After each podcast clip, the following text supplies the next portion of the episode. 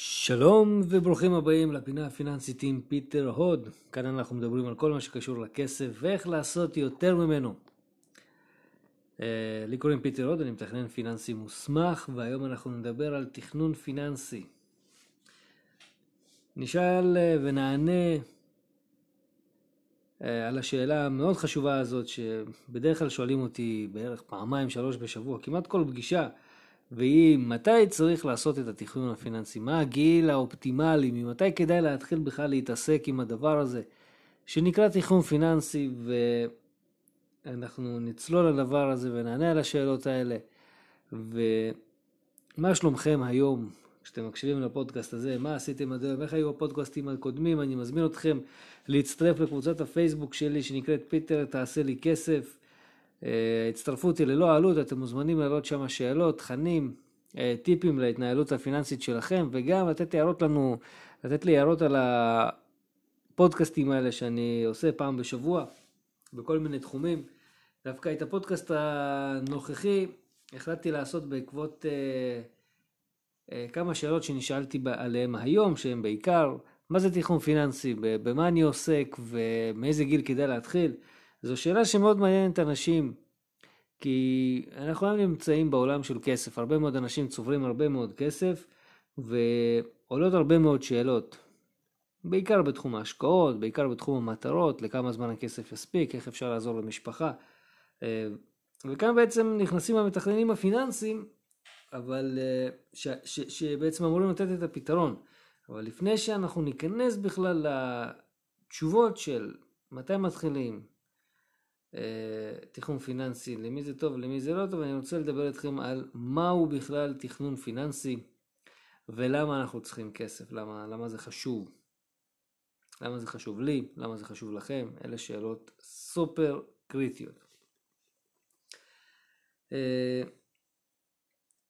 בואו נתחיל. אני רוצה דווקא להתחיל מהדבר הזה. אם אתם אה, מקשיבים לפודקאסטים שלי, אז כנראה כסף זה משהו שמעניין אתכם.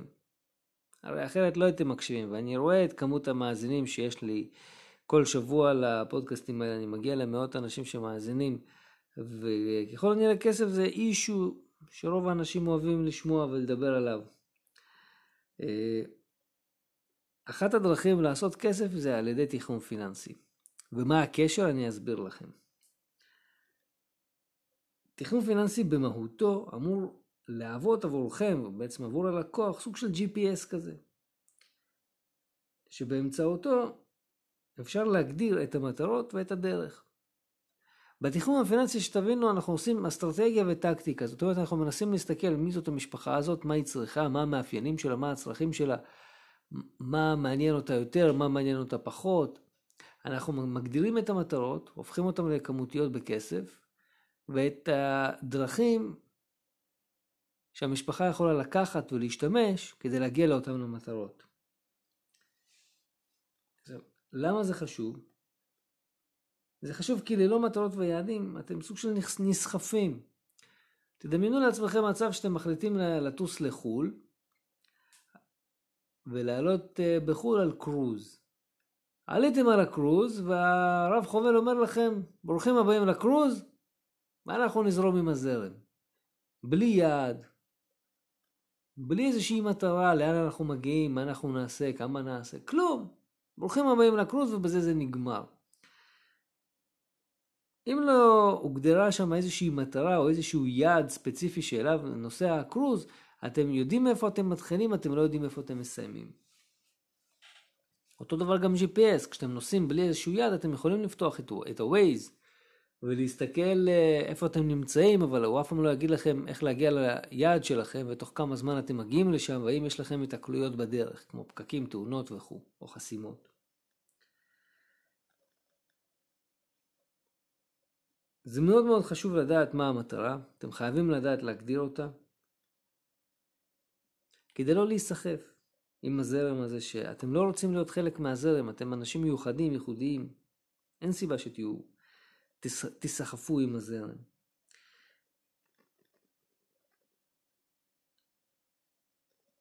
הרי תדמיינו לעצמכם סיטואציה שאתם באמת עולים על הקרוז הזה, בלי איזשהו יעד. אני רוצה ברשותכם לשאול אתכם שאלה, לאן תגיעו? האם תצליחו לראות את כל היעדים שרציתם לראות? האם תספיקו, תצליחו לבקר בכל המקומות שרציתם לבקר?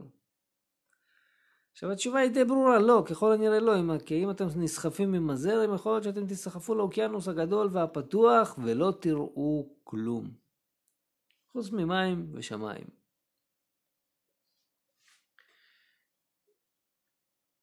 לכן בתכנון הפיננסי אחד השלבים החשובים ביותר זה בכלל להגדיר את המטרות. מה אתם רוצים כמשפחה? לאן אתם רוצים להגיע? בואו תגידו לי. מה אתם רוצים לעשות? בלי קשר זה גם הדבר הכי חשוב לדעתי בחייו של הבן אדם, הפרט.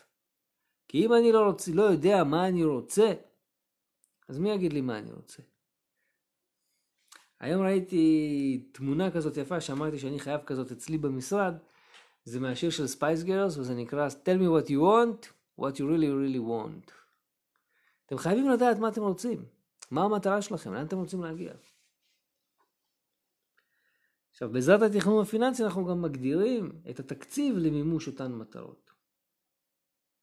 בוודאי עושים בדיקות של יכולת כלכלית, האם, ש... האם אתם יכולים להגיע לאותו מצב, לא יכולים להגיע לאותה מטרה, זה מאוד מאוד חשוב. כאשר כמובן כל התהליך הזה הוא מלווה על ידי אנשי מקצוע מכמה דיסציפלינות, בין אם זה תחום הפנסיוני, תחום ההשקעות, תחום המיסוי, צוואות, כלומר משפטי, כלכלת משפחה ועוד הרבה מאוד תחומים שאפשר להכניס לליווי. שכל משפחה, אתם יודעים, לא חייבת את כל האנשי מקצוע האלה, כי זה גם יכול להיות, יכול להיות, להיות פה עלויות גבוהות, ומצד שני כל משפחה מקבלת את מה שהיא צריכה. יש משפחות שצריכות אה, את המומחה הפנסיוני, שמלווה אותם בתחום הפנסיוני, יש אנשים שצריכים את המומחה בהשקעות, במיסוי, בעריכת דין, כל משפחה והצרכים שלה, אנחנו לא יודעים מה כל משפחה צריכה, בלי שאנחנו בודקים את הצורך שלה, מגדילים מטרות, בודקים תקציבים. עכשיו, תדמיינו לכם סיטואציה שהיום אתם פוגשים בן אדם שיכול להגיד לכם, תקשיבו, בעוד 30 שנה נגמר לכם הכסף. ואתם יכולים לעשות כבר עכשיו פעולות שיכולות למנוע את הסיטואציה הזאת, את המצב הזה שנגמר לכם הכסף. לא תרצו לשמוע מה יש לו להגיד, לא תרצו לבדוק מתי נגמר לכם הכסף. כי זה מה שעושים בתיכון פיננסי. כל הלקוחות שאני יושב איתם, אני מראה להם את הר הכסף. הר הכסף זה בעצם כל הכסף שהם צוברים, כל הנכסים שהם צוברים, עד גיל הפנסיה, עד שהם פורשים סופית. הר הכסף הזה נגמר מאוד מאוד מהר, כי בדרך כלל כשמשפחה חיה באיזושהי רמת חיים ואיכות חיים, היא רוצה להמשיך את אותה רמת חיים ואיכות חיים גם בפרישה. ופרישה זה סיפור, זה סיפור אחר. הרבה דברים משתנים בפרישה. אבל ההוצאות ורמת החיים בדרך כלל נשארת, נשארים. לכן זה מאוד מאוד חשוב לראות תדמיינו לעצמכם את הסיטואציה הזאת, שאתם רואים בדיוק כמה כסף יש לכם היום, כמה אתם שווים, ותוך כמה זמן הכסף הזה נגמר. זה סופר סופר חשוב. כי כשאתם רואים את זה נופל לכם אסימון. כאילו, אתם חושבים, חשבתם על זה מתישהו? תוך כמה זמן ייגמר לכם הכסף? יכול להיות שאתם פורשים בגיל 60 והכסף נגמר בגיל 100, יכול להיות שאתם פורשים בגיל 80 והכסף נגמר בגיל 85. זה מהותי.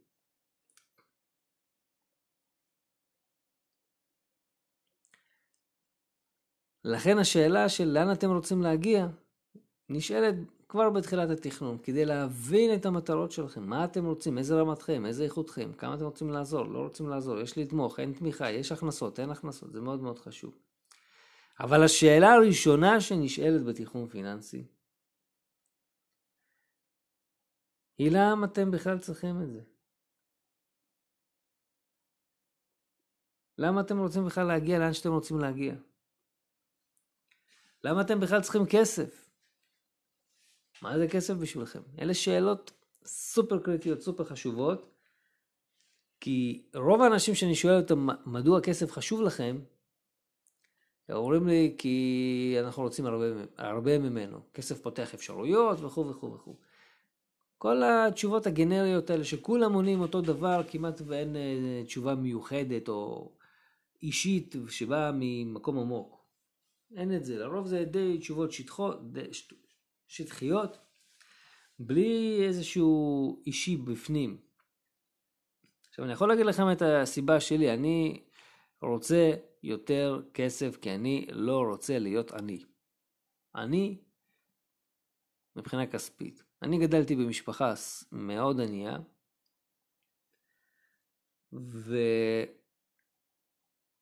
והיה לי חוסרים, היה לי חסר דברים בחיים. לא טיילתי, לא יצאתי למסעדות, לא טיילתי, לא יצאתי לבלות, לא, לא, לא לבשתי מותגים כשהייתי קטן, לא כלום.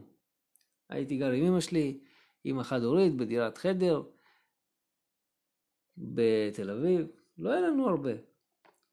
אמא שלי גרושה, הייתי גר רק איתה, הייתי בפנימייה.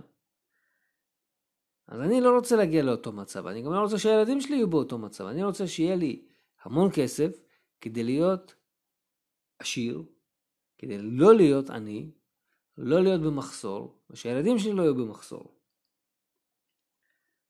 לא רוצה את ההרגשה הזאת. לא מתאים לי. זו הסיבה שלי. וזה מניע אותי כל בוקר מחדש לקום ולהילחם כדי להביא את הכסף הזה.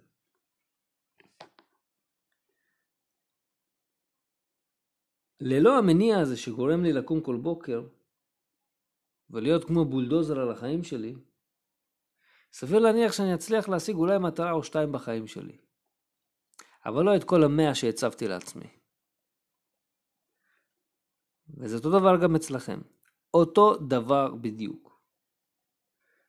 אם אין לכם מניע אישי עמוק שמניע אתכם להגיע לאן שאתם רוצים להגיע, סביר להניח שתגיעו לאנשהו, אבל ככל הנראה זה לא יענה על כל הציפיות שלכם. שימו לב, אני עוסק בתכנוני פרישה, אני פוגש הרבה אנשים שפורשים. הדבר הנפוץ ביותר שאנשים אומרים, אני ציפיתי שתהיה לי פנסיה יותר גבוהה. רוב האנשים אומרים את זה. עכשיו, אני שואל אותם על סמך מה ציפית, מאיפה באה הציפייה הזאת לקבל יותר? חשבתי. זו התשובה שאני מקבל. חשבתי, אמרו לי, שמעתי. אצל החבר שלי זה ככה. אנשים נסחפו, כל החיים שלהם נסחפו. לא בדקו, לא תכננו, לא הגדירו איזושהי מטרה או יעד אליו הם רוצים להגיע. ואז הם מופתעים. עכשיו, אני לא יכול להיות גם ביקורתי, כי זה לא יעזור לי הביקורת הזאת, אבל אם אתם לא רוצים להיות שם, אתם צריכים להתחיל עם זה היום.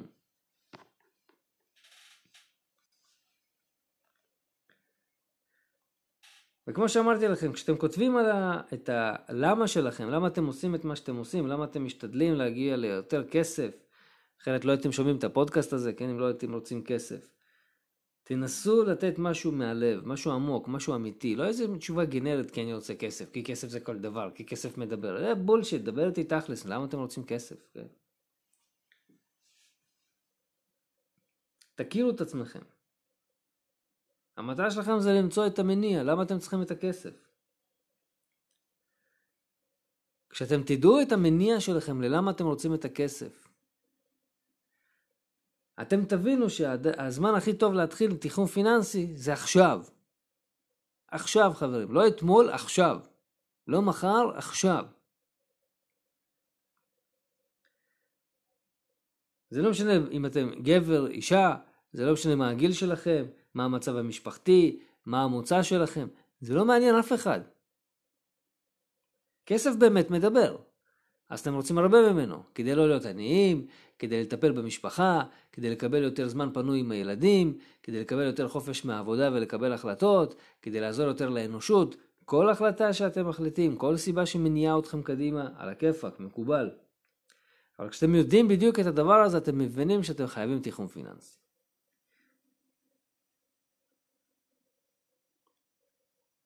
וככל שתתחילו מוקדם יותר, כלומר מהיום והלאה, כן, לא לחכות, אי אפשר להתחיל רטרואקטיבית, אנחנו מתחילים מהיום.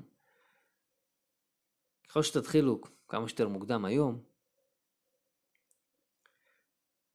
יש כמה פרמטרים שישחקו לטובתכם. הפרמטר הראשון, ואולי המרכזי ביותר, זה הזמן. הזמן יעבוד לטובתכם. כשאנחנו מדברים בכסף, כל מה ש... הכסף עובד עליו, הכסף יודע לעבוד טוב מאוד אם נותנים לו את העבוד, לעשות את העבודה. מה זה עבודה? הכסף צריך להיות מושקע. עכשיו, עשרה אחוז עכשיו או עשרה אחוז בעוד עשר שנים, אפשר להגיד שהאחוז הוא אותו אחוז. אבל מה שמשפיע על כמה יהיה לכם בחשבון, זה הזמן. כמה זמן אותם אחוזים עבדו על הכסף שלכם.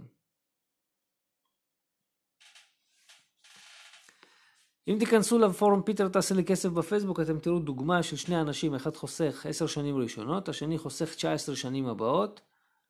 הוא לא חוסך בעשר שנים ראשונות, שניהם סך הכל חוסכים 29 שנים, רק אחד שם 10 שנים ואחד שם 19 שנה. אתם תגלו שזה ששם 10 שנים ראשונות, כלומר שם פחות כסף, הרוויח יותר באותם תנאי ריבית. אה, מה, אבל מה השפיע על הכסף שלו? זה הזמן. הכסף שלו עבד הרבה יותר זמן, והאפקט הזה של הריבית לריבית לא שווה כלום אם אין לו זמן לעבוד. לכן הזמן משחק לטובתכם אם אתם מתחילים עכשיו. כל יום שעובר ולא עשיתם תכנון, מתפספס. חבל. הדבר השני שעובד לטובתכם זה שאפשר לתקן.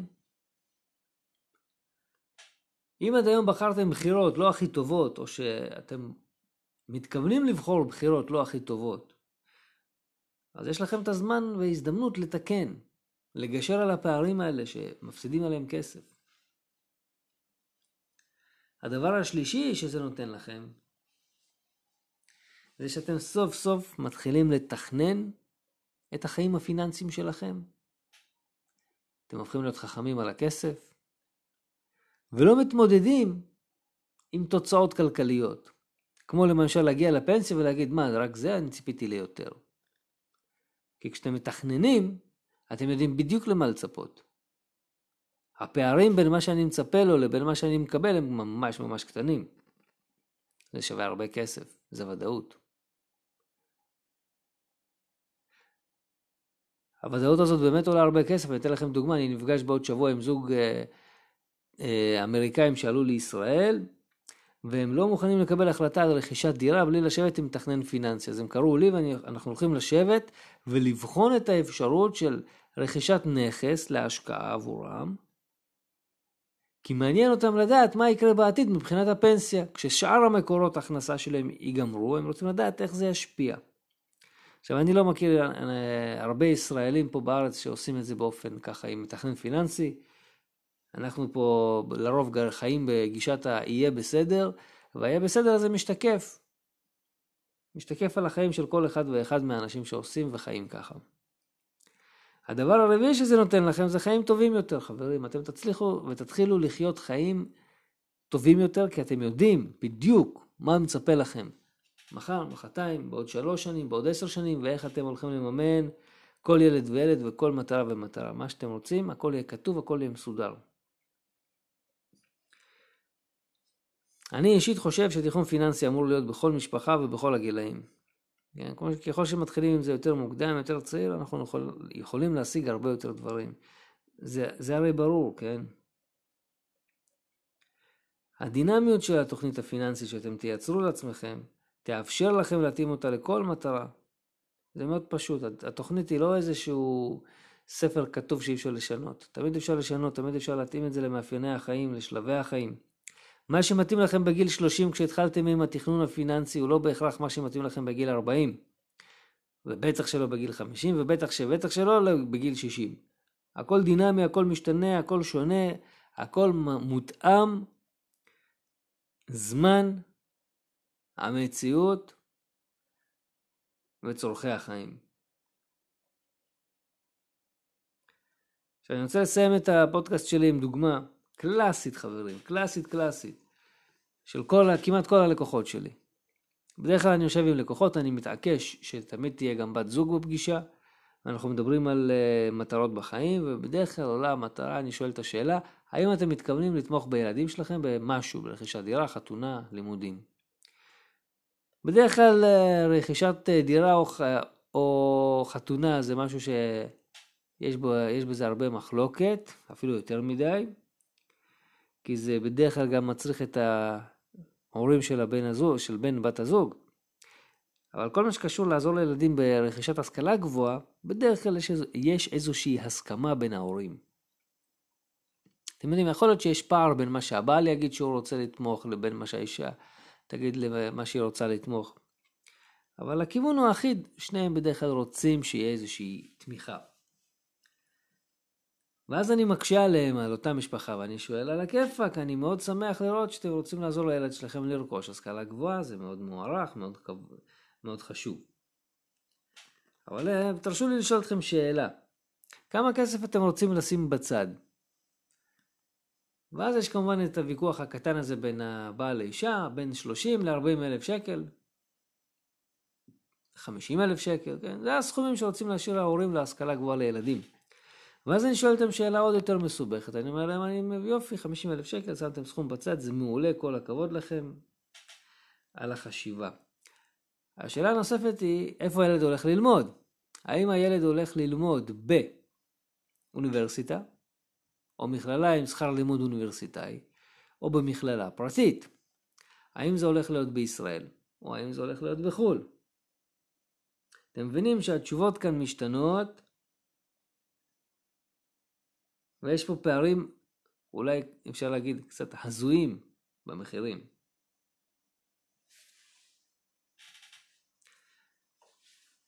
לכן אתם חייבים, לדעתי, כן, לעשות תכנון פיננסי.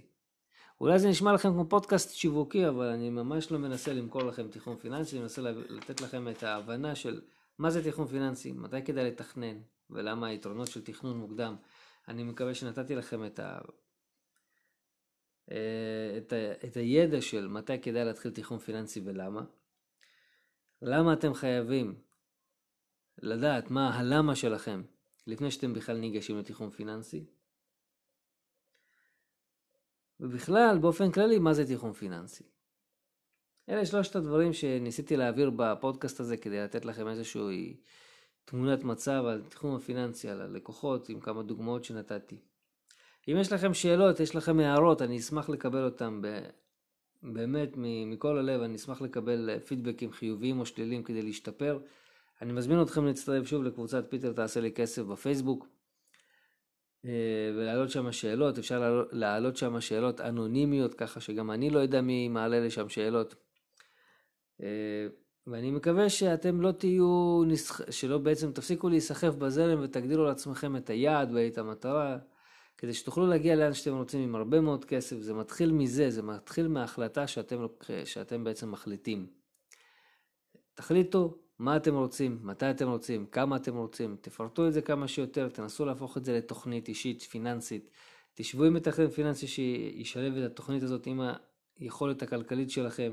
כדי לכוון אתכם, אולי להגדיל, להגדיל סיכונים, להקטין סיכונים, לדחות פרישה, להקדים פרישה.